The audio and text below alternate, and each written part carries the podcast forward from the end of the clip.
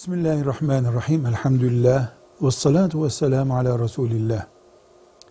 Bir babanın nikahlanmış evli kızına kocasından boşanması için yani kendi damadından ayrılması için baskı yapmaya dinen hakkı yoktur.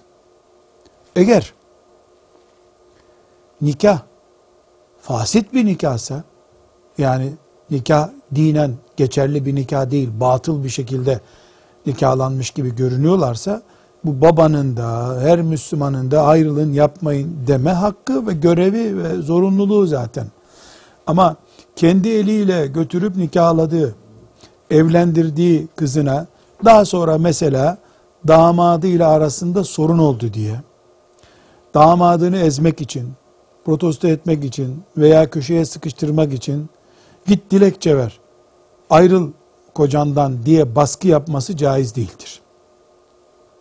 Kızını boşamaya damada baskı yapması da dolayısıyla caiz değildir.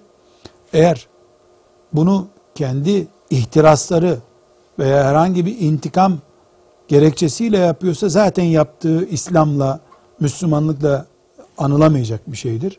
Hayır, ortada bir sıkıntı veya uygun olmayan e, bir geçimsizlik gibi bir şey görüyorsa babalığını nasihatte ve tavsiyede kullanmalıdır.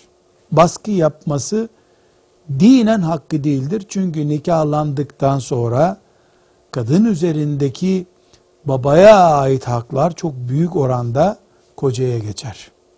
Dolayısıyla yüzde elliyi bile bulmayan bir hakkını kullanmaya kalkmış olur baba. Böyle bir hakkı da dinimiz ona vermiyor. Velhamdülillahi Rabbil Alemin.